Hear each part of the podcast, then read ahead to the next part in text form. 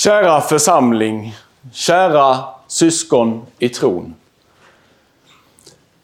Dagens predikan kommer att utgå från Jesu ord som vi hörde ur Johannesevangeliet.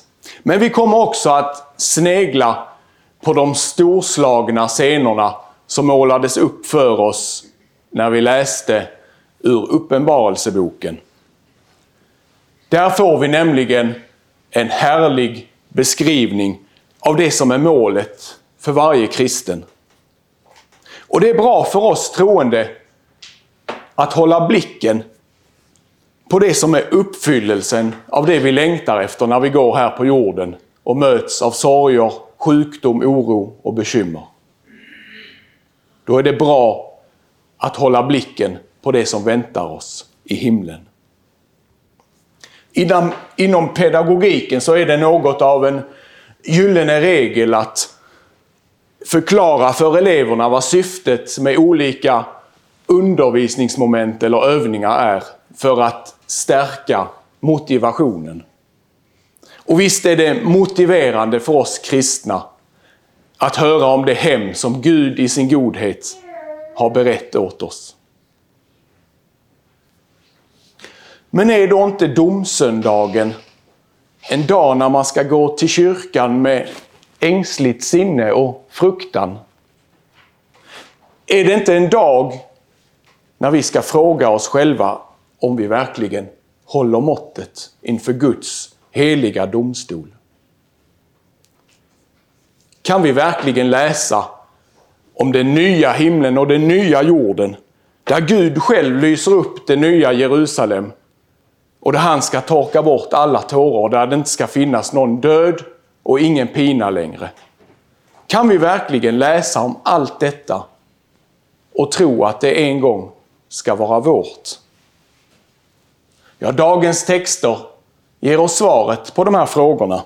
De berättar för oss om vi behöver känna oss oroliga och illa till mods när den yttersta domen kommer till tals. Och de berättar för oss, eller om vi kan sträcka på oss och se fram emot denna dagen med glädje och tillförsikt. Och varför inte börja med det obehagliga, det som kan skrämma oss när vi talar om den yttersta domen. Det är oftast en bra idé att göra undan det mödosamma arbetet innan man kan njuta av ledigheten. Och det är oftast bra att reda ut oklarheter i relationer mellan människor och tala ut om det för att sedan relationen ska kunna bli bättre. Så om vi söker efter saker i dagens texter som kan oroa oss när vi läser dem, så tror jag det är tre ställen som är lite mer framträdande än andra. Det första möter oss i texten ur profeten Daniels bok. Där vi får läsa om den gamle av dagar, som vi förstår är Gud själv. När hans snövita kläder och hans tron av eldslågor beskrivs och vi förstår att vi en gång kommer att stå inför den tronen. Då kan vi fyllas av rädsla. För hur ska jag kunna stå där utan att gå under i all min synd och uselhet? Det andra som kan verka oroande, det är när vi e-, i evangelietexten hör om de döda som kommer komma ut ur sina gravar och att vissa kommer uppstå till evigt liv, men att vissa som gjort ont kommer uppstå till död och dom. Vi frågar oss kanske då, är jag en som har gjort gott eller är jag en sån som har gjort ont? Och det tredje orosmomentet, om vi får kalla det så, det möter vi i Uppenbarelseboken där vi får höra om hur Johannes såg att de döda blev dömda efter sina gärningar. Efter det som var skrivet om dem i böckerna som öppnades. Vi får där också höra om hur de som inte hade sina namn skrivna i Livets bok blev kastade i eldsjön. Ja, här finns det tillräckligt med saker för att inte riktigt vilja tänka på domens dag. För det verkar för hemskt och obehagligt. Vilka är dessa som kommer att fallas, falla under domen och kastas i eldsjön? Innan vi talar mer om det så ska vi först klargöra vilka det inte är. För det är tydligt. Jesus säger ju till oss i evangelietexten. Den som hör mitt ord och tror på honom som har sänt mig, han har evigt liv. Han drabbas inte av domen, utan har gått över från döden till livet. Den som litar på Jesus går alltså fri på domens dag. Mer om det om en liten stund. Men om du däremot i ditt hjärta säger jag klarar mig fint utan Jesus i mitt liv. Det där med kristendom är ingenting för mig. Visst hade Jesus en del bra saker att komma med som att älska sin nästa och sådär. Men det behöver jag inte vara kristen för att göra. Kanske säger du, om det nu skulle komma en domedag om, vilket jag inte tror, ehm, så har jag i alla fall försökt att göra mitt bästa. Det måste väl räcka. Jag gör min plikt och jag håller mig på rätt sida om lagen och dessutom är det många i min omgivning som ser mig som en väldigt hjälpsam person. Så det där med helvete, det kommer jag nog att klara mig undan. Dessutom så har ju de flesta kyrkor sedan länge avskaffat tanken på ett helvete. Så jag kan nog känna mig rätt så lugn. Frågan är bara hur lugn en sån person som tänker så kan vara egentligen. För Bibeln ger verkligen inte en människa som tänker så anledning att känna lugn och ro. Tvärtom. Den personens samvete vill Gud väcka och ruska om med sin lag. Den som tror att det räcker med att bara göra sitt bästa och vara lite bättre än andra för att nå upp till Guds heliga lag tar helt enkelt fel. För Gud, han är helig, han är ren och rättfärdig och ingenting som bara har det minsta gnutta synd kan vistas i hans närhet. Det räcker inte att bara vara schysst och en god medborgare.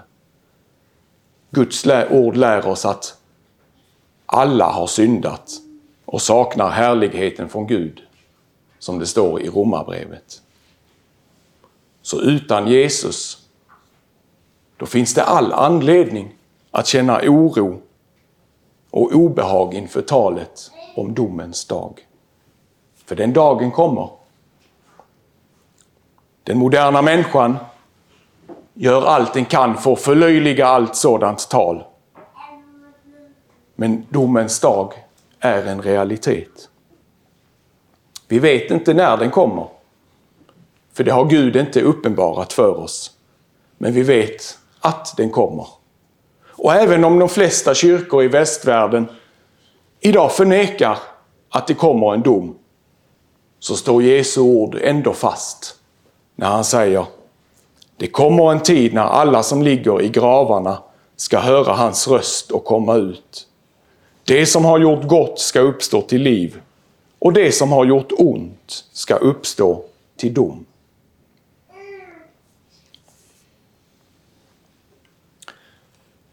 I evangelietexten så talar Jesus också på ett annat ställe om de dödas uppståndelse, fast på ett lite annorlunda sätt. Jag säger er sanningen, säger Jesus där.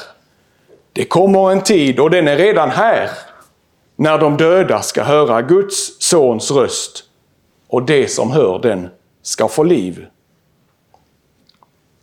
Ja, här talar Jesus också om de dödas uppståndelse, men på ett sätt som anger att den tiden redan är här. Och här mina vänner börjar också avsnittet med de goda nyheterna. Nu har vi kommit fram till den del av predikan som ger oss anledning att känna glädje och tillförsikt när vi firar dom, domsöndagen. Till skillnad från den andra versen, vers 28, där Jesus talade om de fysiskt döda som kommer att stiga ut ur sina gravar, så talar Jesus här i vers 25 om andra slags döda. Han talar om de som är andligt döda, som ska få liv. De som är andligt döda. Det är de som inte tror på Jesu ord eller ännu inte har hört det. För att förstå hur det går till när en människa som är andligt död får liv igen, då kan vi minnas hur det gick till när Lazarus, som ju var död på riktigt, fick liv. Lazarus, han hade varit död i fyra dagar när Jesus ropade Lazarus kom ut! Och han kom ut livslevande. Var det för att han hade lite grann liv kvar i sig och fick motivation när Jesus ropade? Nej, Lazarus han var död. Han var stendöd. När en människa som är andligen död hör Jesu ord och tar emot det. När en andligt död människa hör det glada budskapet om Jesu kärlek och tror, ja då är det på samma sätt som med Lazarus fast i andlig mening. Det är Jesu röst som leder till liv. Och det är om dessa som Jesus säger att de inte kommer att drabbas av domen utan har evigt liv. Lägg märke till orden har evigt liv. Så även om våra jordiska kroppar en gång kommer att dö och förmultna så äger vi redan nu, idag, något som är ännu bättre än det jordiska livet. Vi äger det eviga livet.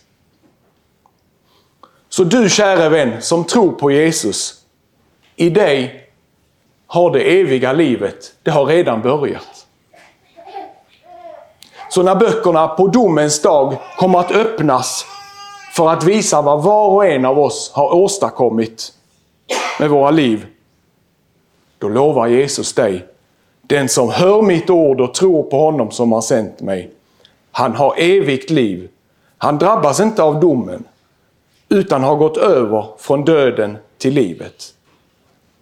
Ja, det blir då inga långdragna förhandlingar om goda och onda gärningar som läggs i två olika vågskålar för att se om det goda eller det onda väger tyngst. För de som dör i Kristus, de finns ju med i Livets bok. Och då får de allt det goda som Jesus gjorde i sin vågskål. Och allt det onda som du har gjort, det kommer inte finnas med i de böckerna som öppnades. För det strök Jesus ut när han dog för dig på korset. Och har ni tänkt på en sak som, som Ingvar sa i början av gudstjänsten? Att det är Jesus själv som är domaren. Texten berättar ju för oss att Fadern dömer ingen, utan han har överlämnat hela domen till Sonen för att alla ska ära Sonen så som det ärar Fadern. Den som inte ärar Sonen ärar inte heller Fadern som har sänt honom. När Jesus en gång samtalade med den laglärde Nikodemus, då berättade Jesus att hans främsta syfte med att komma till världen var för att frälsa den. Idag får vi läsa att Fadern har gett Jesus även detta uppdrag att döma. Men det är ingen motsägelse i detta att Jesus både ska frälsa och döma. Den främsta orsaken till att Jesus kom till jorden, det var verkligen för att frälsa den. Men de som avvisar denna frälsning, de kommer att döma till eldsjön, till evigt lidande i helvetet.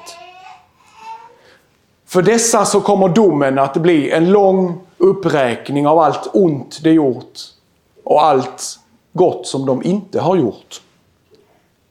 Och inför Gud så kommer inte någon av deras gärningar hålla måttet. Men vilken tröst för alla troende att veta att den som ska döma oss, ja, det är ju samma person som har frälst oss. Så om denne gode domare skulle döma den som sätter förhoppningar och litar på honom. Om denne gode domare skulle döma den personen, ja då skulle ju Jesus själv underkänna hela sitt frälsningsverk. Men det är Guds vilja att frälsa och frikänna. Därför så kan du sitta här idag och vara glad över allt fint som väntar när Jesus kommer tillbaka. Vi kan då läsa om allt det storslagna i Uppenbarelseboken på samma sätt som en person med glad förväntan bläddrar i en fin broschyr om en resa som den personen precis har bokat. Vår resebroschyr målar upp en alldeles fantastisk bild om det som ska hända. Och jag såg en ny himmel och en ny jord. Den första himlen och den första jorden var borta och havet fanns inte mer. Och jag såg den heliga staden, det nya Jerusalem, komma ner från himlen, från Gud, redo som en brud som är smyckad för sin man. Och jag hörde en stark röst från tronen. Se, nu står Guds boning bland människorna. Han ska bo hos dem och det ska vara hans folk och Gud själv ska vara hos dem. Och han ska torka alla tårar från deras ögon. Döden ska inte finnas mer och ingen sorg och ingen gråt och ingen plåga. För det som förr var är borta. Och vår reseledare, det vet ni, att det är Jesus. Och det är en reseledare som själv har betalat biljetten för vårt resmål. Och även om texten nämner att havet inte längre kommer att finnas, så kommer den person som älskar en semester på stranden inte att bli besviken. För havet i detta sammanhang, det står för en, hatande, eh, en, en hotande fara. Någonting som tar människoliv i stormar och översvämningar. Havet står här också för något som skiljer människor åt. Vi kan då tänka på våra kristna bröder och systrar i Finland, Ukraina eller Tyskland eller USA. För att träffa dessa så måste vi på ett eller annat sätt korsa havet. Men hos Gud så finns det ingenting mer som kan skilja oss troende åt. Så låt oss, kära vänner, medan vi väntar på att allt detta ska gå i uppfyllelse, låt oss ha som vårt stora mål att vara bland dem som sätter sitt hopp till Herren och till den utväg som han har visat för att inte gå förlorad utan ha evigt liv. Den vägen som går genom Jesus Kristus, hans son. Amen.